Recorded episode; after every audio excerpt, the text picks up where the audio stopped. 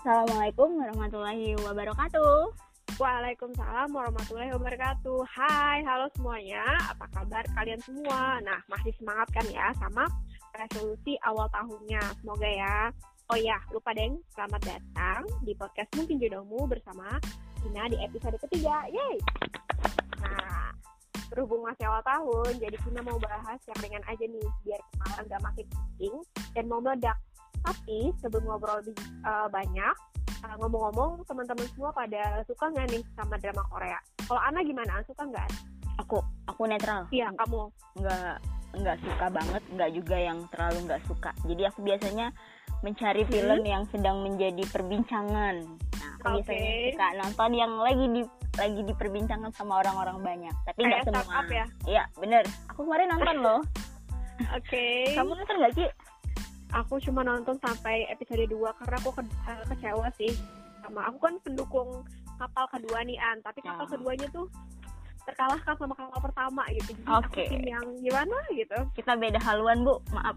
Iya beda haluan tapi bener sih An ternyata tuh ya pengorbanan aja nggak cukup kalau tanpa keberanian ah, iya dong tindakan iya. dong iya, ngapain iya, lu pengorbanan kalau nggak ada tindakan iya kalau lu cinta tapi lu diam ya percuma guys oke okay.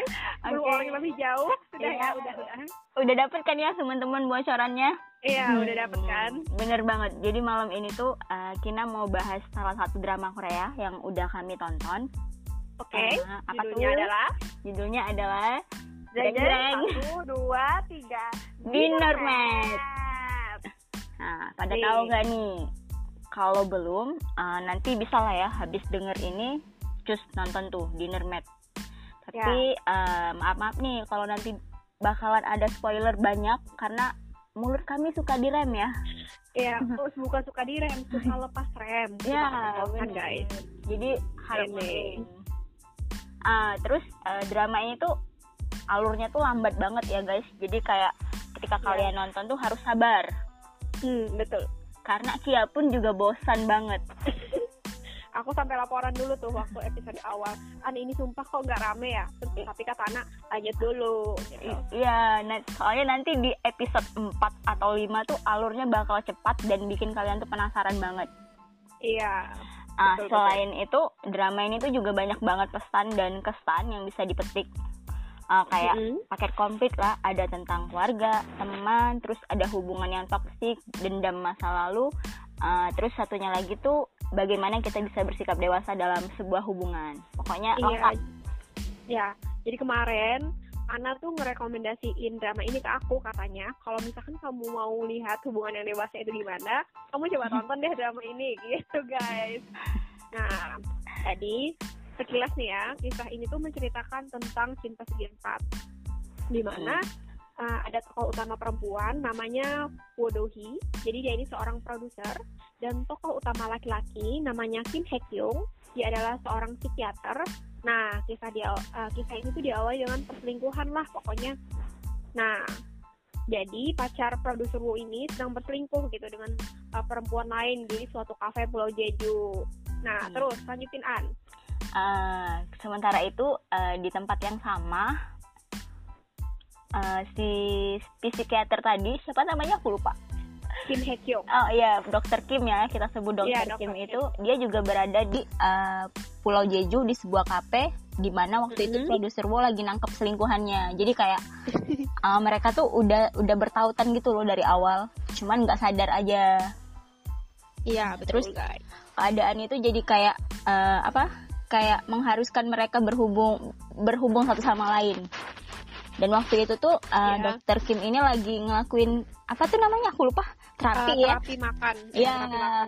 terapi makan. Kebetulan pasiennya ini lagi galau gitu ya. Iya lagi galau, galau. Karena apa? Nggak tahu ya lupa. Pokoknya hampir sama lah dengan produsermu mm -hmm. ya kurang lebih. Nah jadi uh, setelah melihat mereka kan bikin keributan di kafe. Jadi si pasien yeah. itu secara nggak langsung minta si dokter itu buat uh, mengejar produser Wo yang kelihatannya emosi banget dari KP. Iya.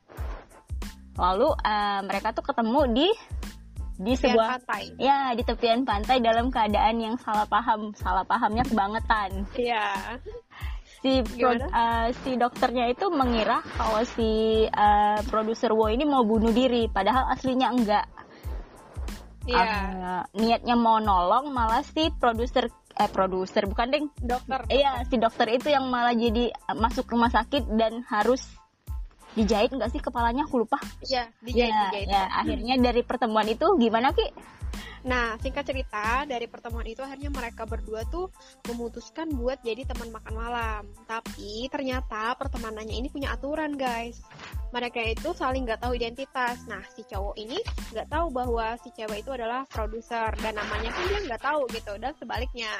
Ya, tapi, nih tapi nih ya guys, seiring waktu berlalu dan beberapa kali ketemu sebagai teman makan malam, ternyata mereka saling suka tapi yeah. diem diem baik guys geng satu gengsi satunya gengsi. Jadi gimana? Ya jadi diem, ya. iya kayak apa tuh ada sih kalimatnya? Cin aku lupa apa? kalimat quotes Jawa gitu. Aku lupa lewat apa, apa, lewat lewat lewat aku oke okay, lewat guys. Nah tapi perjalanan kisah cinta mereka ini tidak semua jalan tol. Iya benar. Nah salah satunya yang bakal kita bahas adalah soal uh, datangnya orang dari masa lalu mereka yang berusaha untuk memisahkan mereka berdua Nah, cara mereka buat ngajak balikan ini nggak bisa dibenarkan karena tergolong dalam toxic relationship. Parah nah, banget emang.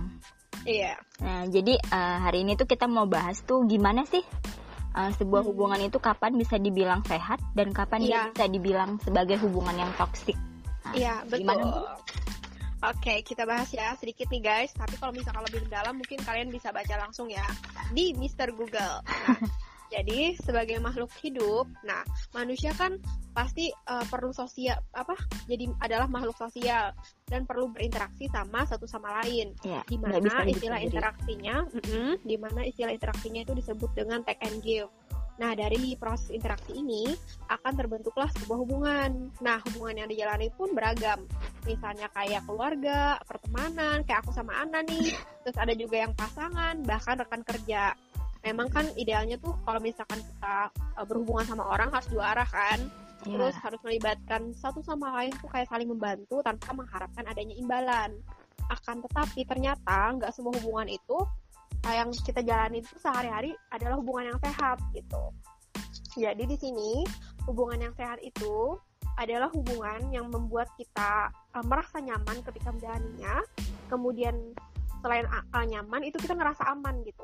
Kita bebas berpikir kita uh, saling memeduli bemper, apa sih?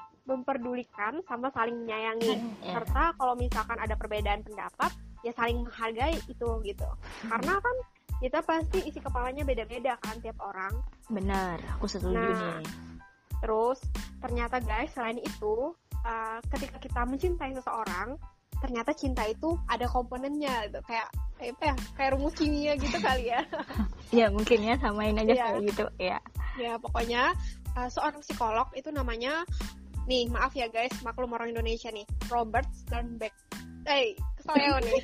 Pokoknya nanti kalian bisa nyari ya, ya jadi beliau gitu ini seorang beliau ini seorang psikolog uh, yang menyebutkan ada tiga komponen cinta. Yang pertama adalah passion, di mana itu adalah perasaan antusias yang kuat untuk sesuatu hal gitu. Yang kedua, intimacy yaitu ikatan yang kuat di mana uh, ketika kita menjalin hubungan sama uh, sama seseorang kita tuh kayak merasa akrab gitu. Nyaman lah pokoknya. Dan yang ketiga, komitmen yaitu sikap mendukung dan berusaha untuk bertanggung jawab. Hmm. Nah, ketika uh, komponen itu, tiga komponen itu dapat diterima dengan baik dalam sebuah hubungan, begitupun kita menerima balik hal tersebut, maka bisa dikatakan hubungan ini adalah hubungan yang sehat gitu karena adanya take give dan dan hmm. emosi yang dirasakan itu lebih banyak emosi positif, ya kan An? Ah, oke. Okay. Nah, nah yang selanjutnya dibahas nih sama Ana. Sebaliknya, uh, ketika kita hmm. ngerasa tidak nyaman dan tidak aman dan nyaman serta tidak bebas dalam berekspresi, uh, atau pernah merasa direndahkan entah itu oleh teman oleh iya. siapa pun yeah. bisa saja hubungan tersebut termasuk dalam kategori yang tidak sehat atau biasa kita mm -hmm. kenal dengan istilah toxic relationship.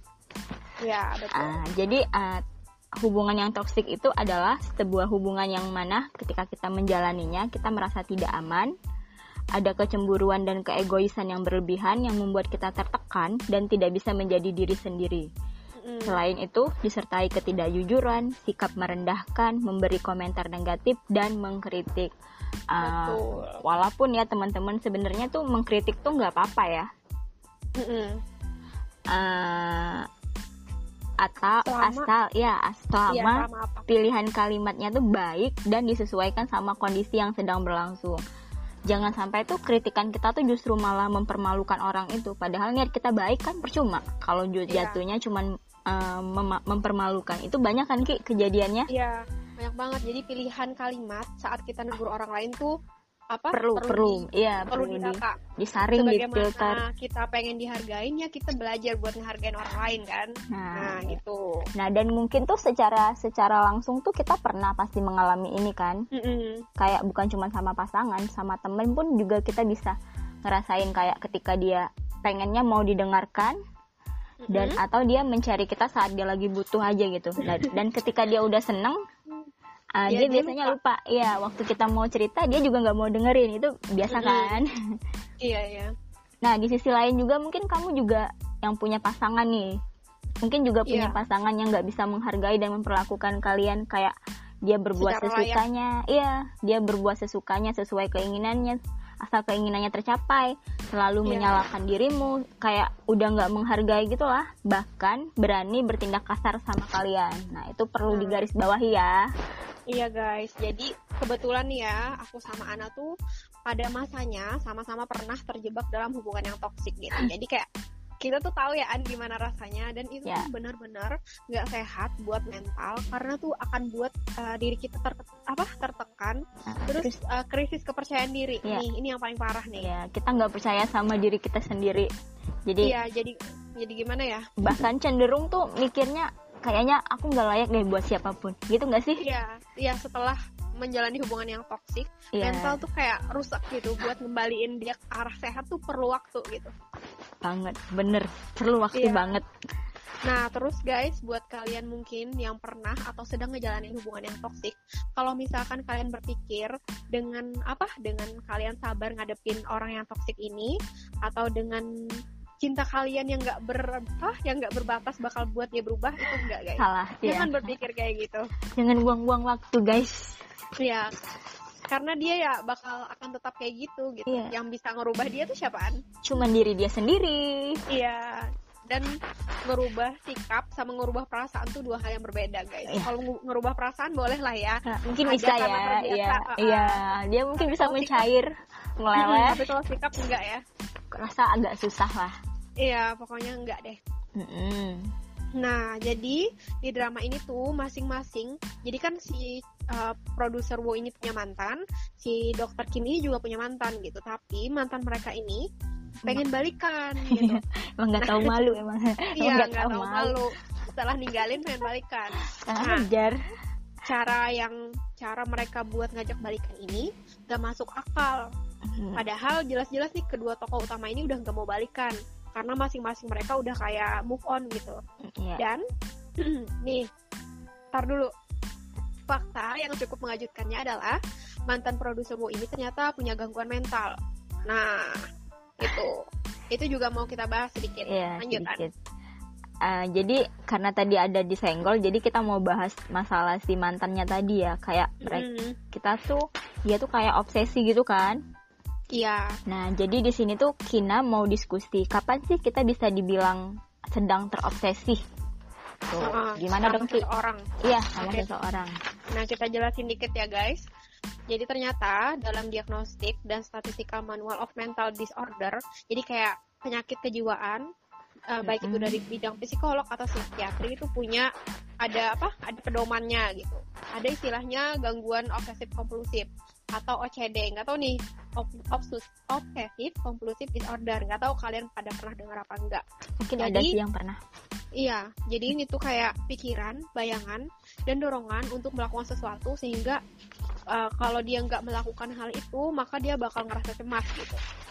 Contohnya misalkan kayak dia tuh terobsesi buat mandi lima kali karena ngerasa badannya nggak bersih kalau dia belum mencapai angka 5 itu, maka dia bakal ngerasa cemas gitu.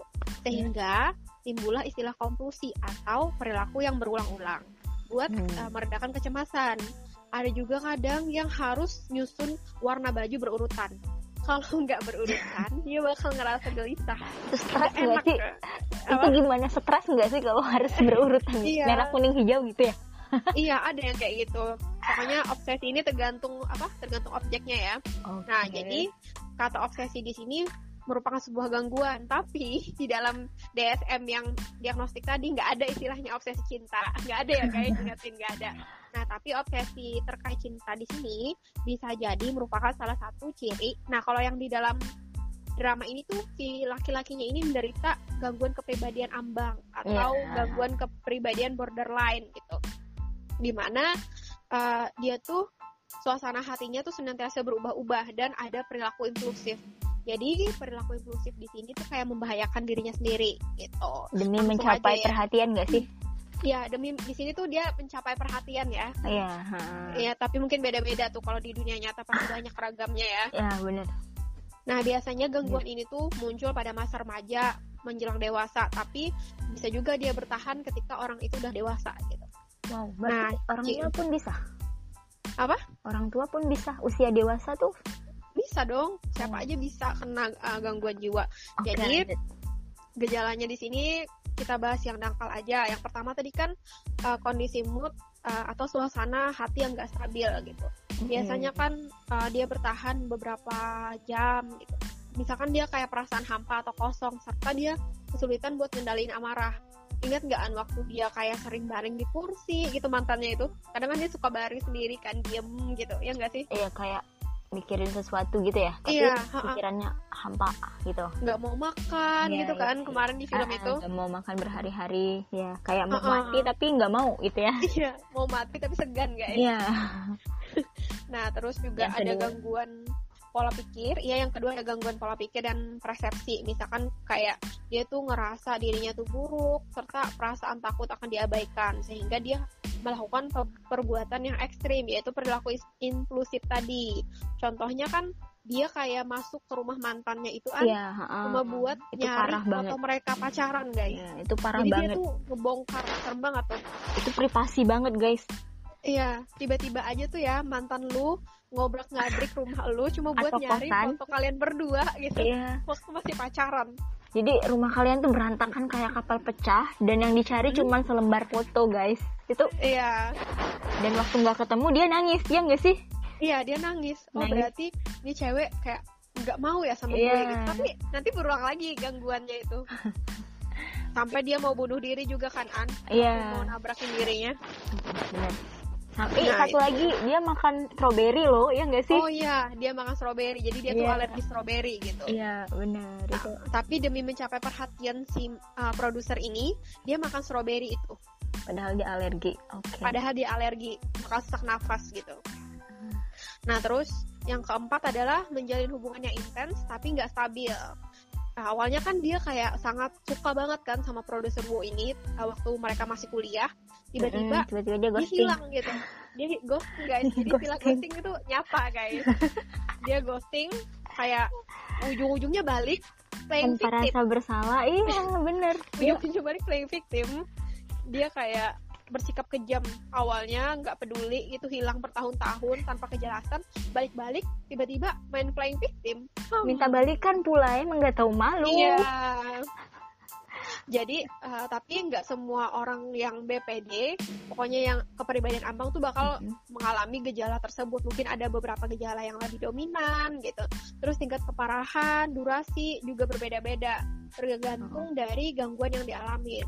Nah yang kedua ada tuh gangguan attachment jadi kan uh, pada masa kecilnya nih kan an yang hmm. apa si mantannya itu diceritain di drama ini tuh kayak kekurangan gitu adalah ya? ya, kekurangan kasih sayang ya. anak yang gak diakuin oleh ayahnya gitu orang figur orang tuanya hilang gitu ya iya sehingga dia tuh kayak kehilangan kasih, kasih sayang, sejak kecil hmm. cara asuhnya tuh nggak memadai gitu kebutuhan fisik anak kecil yang harusnya dia dapatkan secara emosional tuh nggak dia dapat gitu jadi ketika dia ketemu sama uh, produser Wu ini dia kayak ngerasa wow aku mendapatkan apa yang gak aku dapatkan di masa kecil iya, gitu yeah. nah itu sih lanjutan aku ya jadi kayak yeah. uh, itu tadi kan obsesi dalam bentuk umum gak sih yang kamu jelasin ya Iya. Nah, sementara tuh dalam konteks hubungan tuh obsesi itu bisa kita artikan sebagai uh, pikiran atau bayangan tentang objek cinta serta dorongan menjalin hubungan atau berdua dengan objek cinta.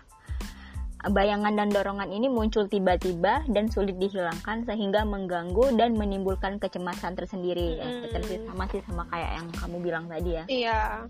Uh, dan seseorang yang terobsesi itu uh, akan berusaha keras untuk menekan atau menghilangkan bayangan tersebut.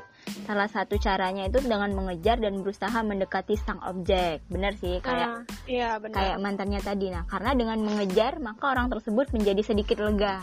Iya. Walaupun sesaat ya. Saat terus nanti balik lagi polanya gitu. Da- eh, dan itu nggak menghilangkan obsesinya sehingga uh, dia bakal melakukan perilaku mengejar tersebut secara berulang-ulang. Itu impulsif Iya. tadi ya, ya nggak sih? Iya, im- impulsif. Dan dia tuh nggak bisa menerima penolakan. Iya. Nih perlu ditekankan tuh dia nggak bisa nolak. Iya, Pokoknya kekuh maunya dia aja gitu. ya kalau dia bilang iya iya gitu ya Iya. Dia nggak peduli sama kamu nyaman apa nggak nyaman. Iya. Yang penting dia gitu. oke. nah dan orang yang terobsesi itu uh, melakukan usaha mendekati cinta itu untuk kepentingannya sendiri ya ingat itu untuk kepentingannya sendiri benar tuh ia nggak peduli sama apakah si objek itu suka atau tidak atau nyaman atau tidak nah orang yang terobsesi juga cenderung uh, jatuh cinta dengan bayangan si objek kayak uh, dia tuh menciptakan dunianya sendiri di dalam kepalanya gitu ya Mm-mm. sama tuh Wahab. kayak mantannya tadi iya dia dia mengira dalam dongengnya dia si produser gua masih cinta padahal jelas-jelas Eh, si udah pro- enggak iya, lagi. jadi eh, ketika produser gua menolak dia bakal sangat kecewa Iya. Kecewa tapi nggak berhenti. iya Nggak- nah belum sadar. ah, ah, dia nggak mau menerima sama tuh kayak yang di atas tadi ya nggak mau menerima Mm-mm. penolakan nah biasanya tuh orang yang terobsesi tuh nggak menyadari bahwa yang ia rasakan itu adalah obsesi dan bukan cinta se- Iya. sesungguhnya kalaupun nanti dia sadar tuh ah, kalau seandainya ya syukur-syukur sadar ada baiknya tuh buat ngelakuin ah, Apa ya? refleksi ya semacam refleksi itu ya Berobat lah pokoknya. Iya, karena penting sekali nih guys untuk membedakan antara cinta dan obsesi. Mm-mm, betul. Terus uh, ada lagi tuh penelitian yang dilakukan sama dua orang, Uh, namanya Acepedo dan Aaron. Mereka berdua itu menemukan mm, bahwa komponen obsesi itu berhubungan positif dengan kepuasan jangka panjang, kepuasan hubungan jangka panjang. Jadi uh, Alah, Obsesi. Jangka pendek. yang oh iya jangka pendek, jangka panjang. Iya. Iya benar. Jadi obsesi itu uh, obsesi itu bagus untuk hubungan jangka pendek Jangka ya. pendek, Iya. iya. Tetapi nggak baik buat obsesi uh, hubungan jangka panjang Mm-mm. karena bakal merugikan ka- merugikan kalian. Awal-awalnya sih ya oke-oke aja ya. Iya. Dia ngejar-ngejar gitu kan baru awal gitu. Tapi kalau lama-kelamaan kayak gitu kan Iya juga jadi serem. iya jadi kayak tahanan penjara nggak sih kitanya jadi. Iya, betul-betul. Oke, Nah. lanjut. Jadi teman-teman uh, dalam drama ini tuh fakta-fakta yang kami sebutkan di atas ya pokoknya sama lah gitu sama yang terjadi di drama ini gitu. Jadi kalau misalkan kayak mau belajar tentang hubungan yang dewasa ke arah positif, hubungan yang negatif itu gimana, uh, film ini, drama ini, deng cocok lah buat ditonton gitu. Satu lagi kalau mau menemukan Mm-hmm. cara untuk menyelesaikan masa lalu, aku rekomendasi banget ini. kenapa kenapa jadi rekomendasi coba Iya. jelasin dong. Karena di sini tuh diajarin loh gimana kalian bisa selesaikan dulu masa lalu masa lalu kalian tapi dengan kepercayaan dengan masa kini kalian. Jadi kayak Iya, betul. kayak dapet banget lah gitu. Oh, jadi gini loh step by stepnya tuh gitu. Kita tuh harus Oh, percaya gitu. Iya. Meletakkan kepercayaan sih guys. Iya, jadi penting banget itu buat percaya. Iya. Ya udah deh. eh, Kayaknya udah panjang gak sih?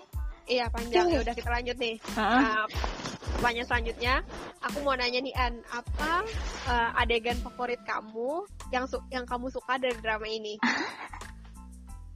Aku yakin sih nggak semua perempuan suka sama adegan ini, tapi aku suka banget. Apa? Kayak eh, ada nih Mik, Mak, kamu inget gak sih waktu Yang mana? eh, produser Wo dia tuh Uh-uh. galau galau dia tuh nggak tahu dia tuh jatuh cinta Tapi dia bingung si si dokter itu tuh siapa asing dia nggak kenal. Iya. Dan tanpa bilang-bilang ternyata dokter Kim sadar kalau misalnya eh, si produser Wo tuh jatuh cinta. iya iya tapi Baper dia lah. iya baper pokoknya. Tapi dia tahu mencoba untuk melawan karena mereka orang asing. Iya. Terus ujuk-ujuk aku suka banget nih adegan ini. Ujuk-ujuk si dokter itu datang dengan dengan uh dengan kerennya gitu ya. Nonton guys. Dia datang terus dia ngasih kartu nama gitu loh. Kayak dia mau bilang ini loh ini aku.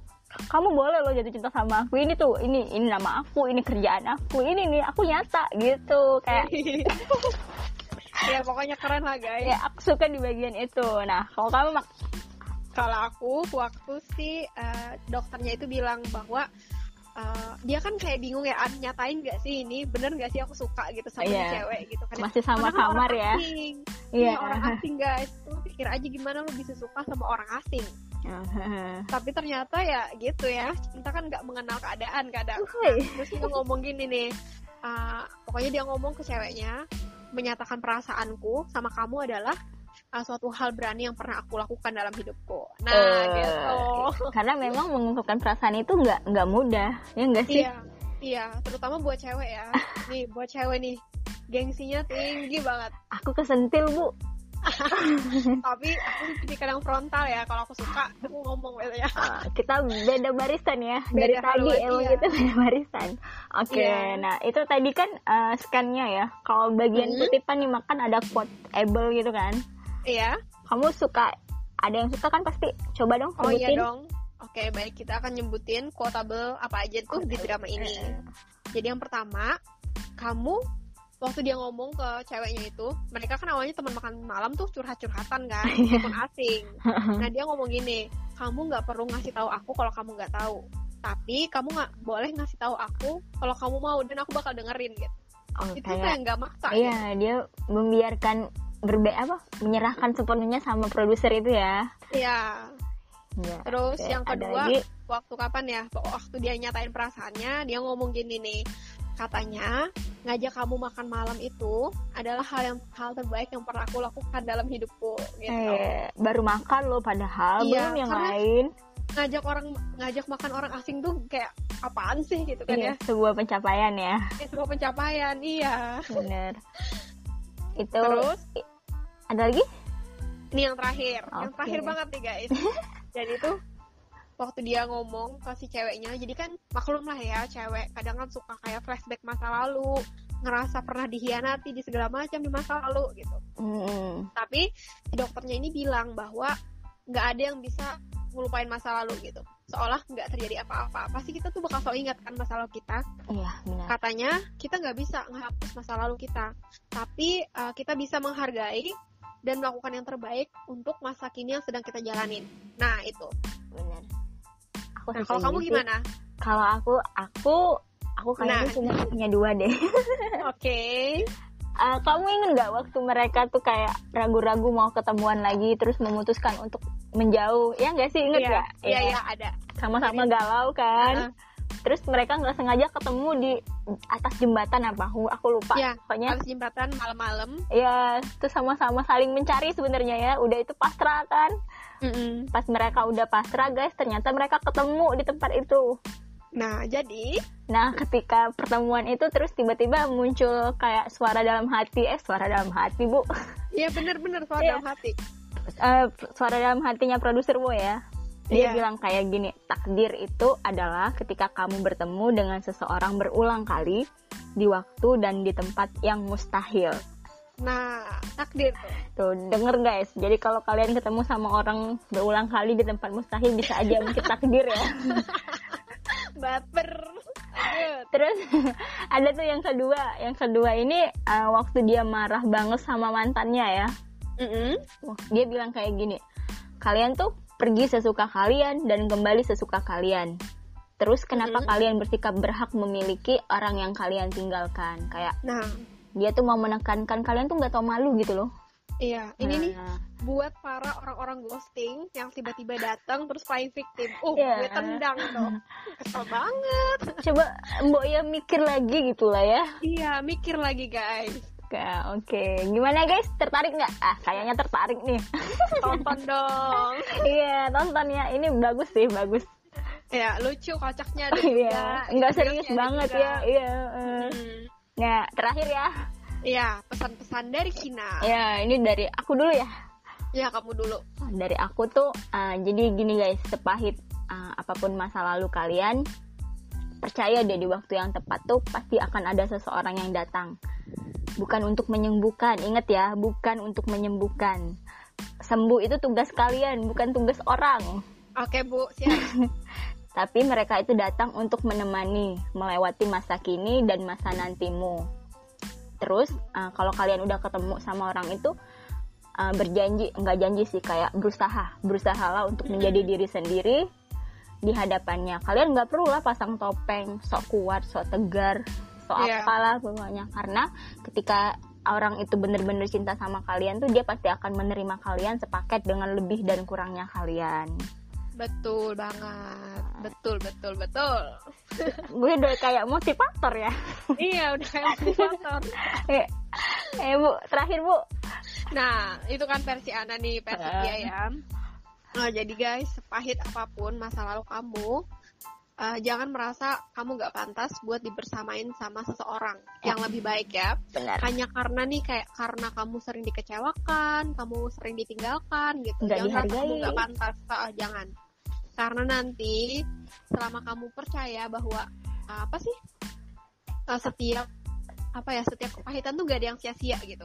Nggak melulu pahit terus pasti ada manisnya gitu. Ya. pasti nanti akan ada seseorang yang akan tetap tinggal di sisi kamu meski dia tahu kamu gak sempurna gitu. Ya. pokoknya dia nerima paket komplit lah. Amin yang gitu ya. penting jadi diri sendiri. Jadi Iya. diri sendiri itu penting banget ya Anda Iya, makanya tadi ya benar jadi diri Iya. sendiri Eh, kocak nggak apa-apa guys. Jujur Ya, jujur lah, aja jujur, aja. nggak usah. Hmm. kalau bobrok bobrok aja gitu bilang Iya. nggak usah sok kalem. Ya kalau emang gila somplok ya nggak apa-apa nih kayak kayak aku. Jadi tapi eh, siapa dan kapan dan di mana bakal ketemu itu adalah rahasia dalam rahasia. Oh, rahasia dalam rahasia. Wis rahasia dalam rahasia. Garis bawahi guys ya. Nah udah oke sih ya. udah ya Mm-mm. sekian podcast episode 3 dari dari kita berdua Eh, semoga ada manfaatnya terus apaan ah, ambil yang baiknya ya dan buang yang Iya. buruknya jangan dicerna Oh. semua Iya, kalau misalkan kayak banyak ketawa atau ada keseleo atau ada suara motor, suara Iya. hujan, itu murni karena jarak, guys. Kalau Iya. deketan mah juga bagus sih rekamannya, Iya. guys. mohon maaf ya guys dalam keterbatasan ini kami mencoba untuk mengisi Eh, dan untuk menebar maksimal. iya udah, Iya. udah usaha maksimal lah ini Iya, oke. Oh, oke deh ya wassalamualaikum warahmatullahi wabarakatuh dadah Wadah, see you guys.